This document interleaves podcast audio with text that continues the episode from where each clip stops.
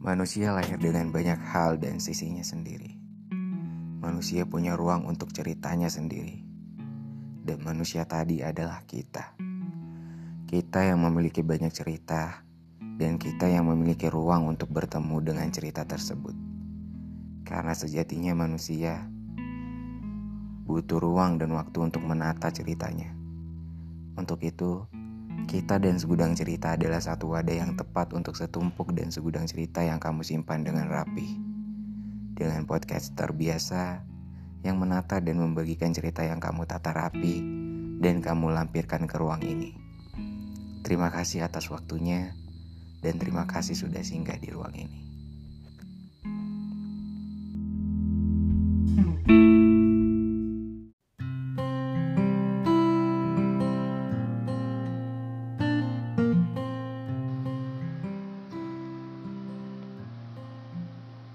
Kak, ini cupcake buatanku buat kakak. Aku buat sendiri loh khusus. Aku suka sama kakak. Kakak mau nggak jadi pacar aku?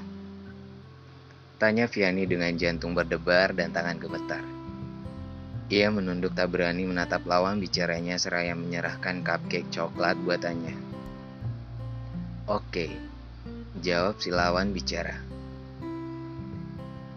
Vianney mengangkat kepalanya. Senang rasanya, tapi mendadak matanya membelalak lebar.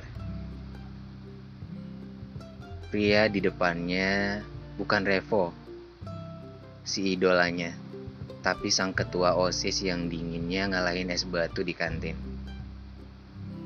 Aldi. Aldi Aldebara. Vianney menelan ludah susah payah, kemudian menatap dengan rasa takut-takut kakak kelasnya yang terkenal sangat dingin. Rasanya dia lupa caranya bernafas. Ya, Vianney melakukan kesalahan fatal sampai tak berani membuka mulutnya lagi, bahkan untuk sekedar minta maaf. Kemudian, Aldi menaikkan alisnya sebelah karena menunggu reaksi Vianney yang diam kaku menatapnya.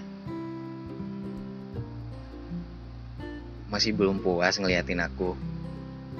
Vianney membelalak lebar lagi lalu mengerjapkan matanya berkali-kali. Uh, maaf kak, aku salah orang. Ucap Vianney terbata-bata. Vianney langsung balik badan, tapi dia baru mau melangkah maju karena seragamnya sudah ditarik mundur. Hah? Kenapa kak? Tanya Vianney. Kenapa kak? Tanya Vianney bingung bercampur takut. Sekali aku bilang ya, nggak ada yang bisa ngerubah kecuali aku sendiri. Maksudnya, kamu sekarang pacar aku. Ingat itu baik-baik. Tapi kak, tadi aku salah orang. Aku nggak peduli. Ucap Aldi dengan tegas lalu melangkah pergi dengan kedua tangan di dalam sakunya ninggalin Vianney yang terpaku di tempatnya. Vianney memukul-mukul kepalanya, kesel sendiri. Kenapa dia bisa salah orang? Malu-maluin aja. Vianney mengentak-entakkan kakinya seraya kesal menuju kelasnya. Bagaimana setelah ini? Mau ditaruh ke mana mukanya? Kamu kenapa? Uh, Prit, aku mestinya gimana dong? Teriak Vianney frustasi sendiri. Gimana apanya? Aku kan tadi mau nembak Kak Revo, tapi... What? Kamu gila ya? Kamu pasti ditolak kan? Lah, si Dodol, Dodol banget sih. Kamu nembak di mana? Banyak orang nggak? Serbu Prita memotong ucapan Vianney yang belum kelar dan langsung memeluk sahabatnya. Kasihan. lah Prita, apaan sih? Tunggu aku kelar ngomong kenapa? Ya, habisnya aku shock. Shock banget malah. Nekat banget kamu kayak orang kesurupan tahu-tahu nembak Kak Revo. Hmm, aku udah persiapan sih dari seminggu lalu tahu kamu aja yang sibuk pacaran mulu aku dianggurin. Ya udah. Sorry terus hasilnya apa? Kamu ditolak pasti kan? Jangan sedih ya sayang. Ya ini langsung nayar kepala Prita. Rasanya nancep. Tepat di ulu hati omongan Prita. Mulut lu pedes kayak cabai keriting eh gila aja Kak Revo gitu. Astaga naga. Idola di sekolah mana mau sama kamu yang cuman kacung kumpret gini? Kita ini cuman tim hore di sekolah. Ya cuman dipandang sebelah mata. Masa iya Kak Revo mau? Kayaknya kalau mau kiamat udah dekat namanya. Lah kamu aja kali kacung kumpret. Aku mah enggak siapa sih yang nggak kenal Viani Prita sontak ketawa ngakak sampai perutnya kram kebanyakan ngakak. Viani yang kesal langsung aja mukul kepala Prita pakai buku. Diem nggak? Habisnya kamu konyol sih. Nekat banget. Iya, kamu itu terkenal. Terkenal karena udah pingsan di tengah upacara. Mau dikasih medali kok pingsan? Gimana nggak terkenal? Viani mengerucut sebal sengga uang di atas mejanya. Malas meladeni Prita, sahabatnya yang hobi banget ngehina dan bikin dia nggak punya muka. Gitu aja ngambek. Prita mencolek pipi Viani yang cabi. Minggir ah, nggak usah pegang-pegang. Jadi gimana? Ditolak. Viani melirik sebal Prita yang memasang wajah sedih tapi malah bikin bete. Gue diterima, puas. Kini Prita makin shock sampai mulutnya meng menganga lebar tak percaya. Matanya membelalak lebar sampai bola matanya nyaris lepas. Kamu ngibul kan? Nggak mungkin banget. Nggak percaya ya udah. Kamu temenku bukan sih? Ngeselin banget. Ucap Yani makin mengerucut bibirnya kesel. Prita memeluk Viani heboh sampai rasanya badan Viani sakit semua. Prita terus mendesak Viani buat cerita semuanya, tapi Viani milih diam karena dalam hati dia bukan lagi girang, tapi sedih. Bayangin aja, dia udah malu karena salah orang. Harus jadi pacar si gunung es. Viani juga bingung apa yang dimaksud dengan si gunung es tadi. Apa maksudnya dia harus jadi pacar Aldi gitu atau gimana? Antara percaya dan ngerasa ini cuma mimpi ya kamu jadi kasihan sama Kak Revo. Pasti akan banyak hati yang patah.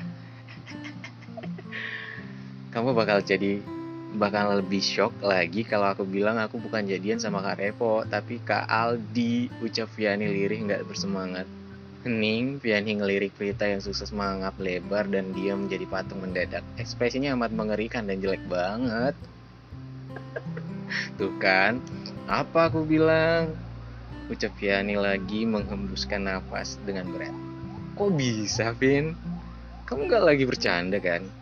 Tanya Prita masih setengah nggak percaya. Vianney menghela nafas panjang lalu menceritakan semuanya secara detail. Kali ini Prita memeluk sahabatnya itu berduka. Jadi sekarang kamu pacaran sama Kak Aldi. Viani mengangguk lesu. Aku mesti gimana dong? Jangan-jangan tadi aku cuma salah dengar saking soknya. Yang aku tembak ternyata bukan Kak Revo. Hmm, kamu mestinya tanya langsung, Vin, biar jelas gitu. Malu, Prit. Tadi aja aku udah nggak punya muka, ucap lesu Viani. Kepalanya dibiarkan bersandar lesu dengan pipi menempel ke meja. Bayangin aja, ini Kak Aldi. Mimpi aja aku nggak berani.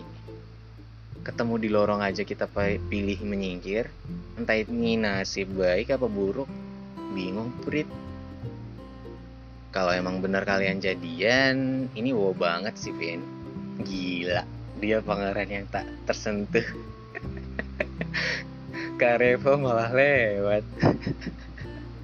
Gue malah takut ucap lirih Yani seraya mengetuk-ketuk meja. Aku berharap aku amnesia kayak di TV-TV, Pin. Apa aku belaga tadi nggak ada apa-apa aja ya? Apa gimana? Keren gak sih pemikiranku? Jadi pura-pura tadi nggak terjadi apa-apa gitu. Kalau Kak Aldi cuma nganggep tadi main-main sih nggak perlu kok. Sok nggak terjadi apa-apa. Dianya paling juga lupa. Aku rasa tadi dia lagi kesambet kalau nggak kamu yang salah dengar. Kali ini aku iyain aja omonganmu walaupun deket, walaupun sedikit nyelekit sialan. Prita kembali ketawa ngakak sampai pipinya dan perutnya kram. Terus solusinya apa, Prit? Malah ngakak hobinya hobi banget sih ketawa di bawah di bawah penderitaan orang. Jadian sama Kak Aldi itu bukan penderitaan ya, tapi anugerah terindah tahu. anugerah palamu peyang. Gak guna banget tahu kamu jadi teman. Sialan. Tapi emang anugerah tahu ini sejarah terdahsyat sepanjang masa dan saran aku coba tanya lagi deh sama Kak Aldi. Aku nggak berani malu, udah tahu, udah juga, udah tadi kayak orang idiot. Mau ditambah nanya gitu, tadi aku salah dengar nggak? Kesannya kayak kayak gua kepedean banget. Ya iya kalau itu bener. Kalau ternyata aku salah dengar, Aku bakalan mati di tempat gak punya muka lagi anjay. Elah, muka cantik gitu bilang gak punya muka gimana sih? Aku serius, Prit. Ya gimana lagi? Solusinya cuman itu. Atau enggak, pura-pura nggak terjadi. Tapi aku yakin kamu bakal penasaran sampai mati. Siapa sih yang nolak jadi Kak Aldi yang cakepnya kayak artis luar gitu? Matanya biru, Udah gitu cool banget lagi. Pintar, kurang apa coba? Kurang senyum. Ya, dia cuman kurang itu. Balas Viani seraya ngangguk-ngangguk bayangin sosok Aldi.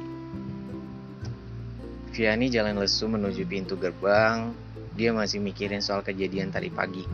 Tiba-tiba aja, motor ninja hitam berhenti menghadangnya. Ini kotamu, ini kotakmu. Makasih. Vianney speechless menerima kotak kue dari Aldi. Dia kembali sadar saat motor Aldi udah meleset entah ke mana meninggalkan suara bising di telinganya. Dipandanginya kotak kue warna biru muda miliknya. Berarti tadi pagi memang nyata. Vianney menjerit frustasi sampai sapam yang lagi bantu nyebrang jalan anak-anak lari ke arahnya.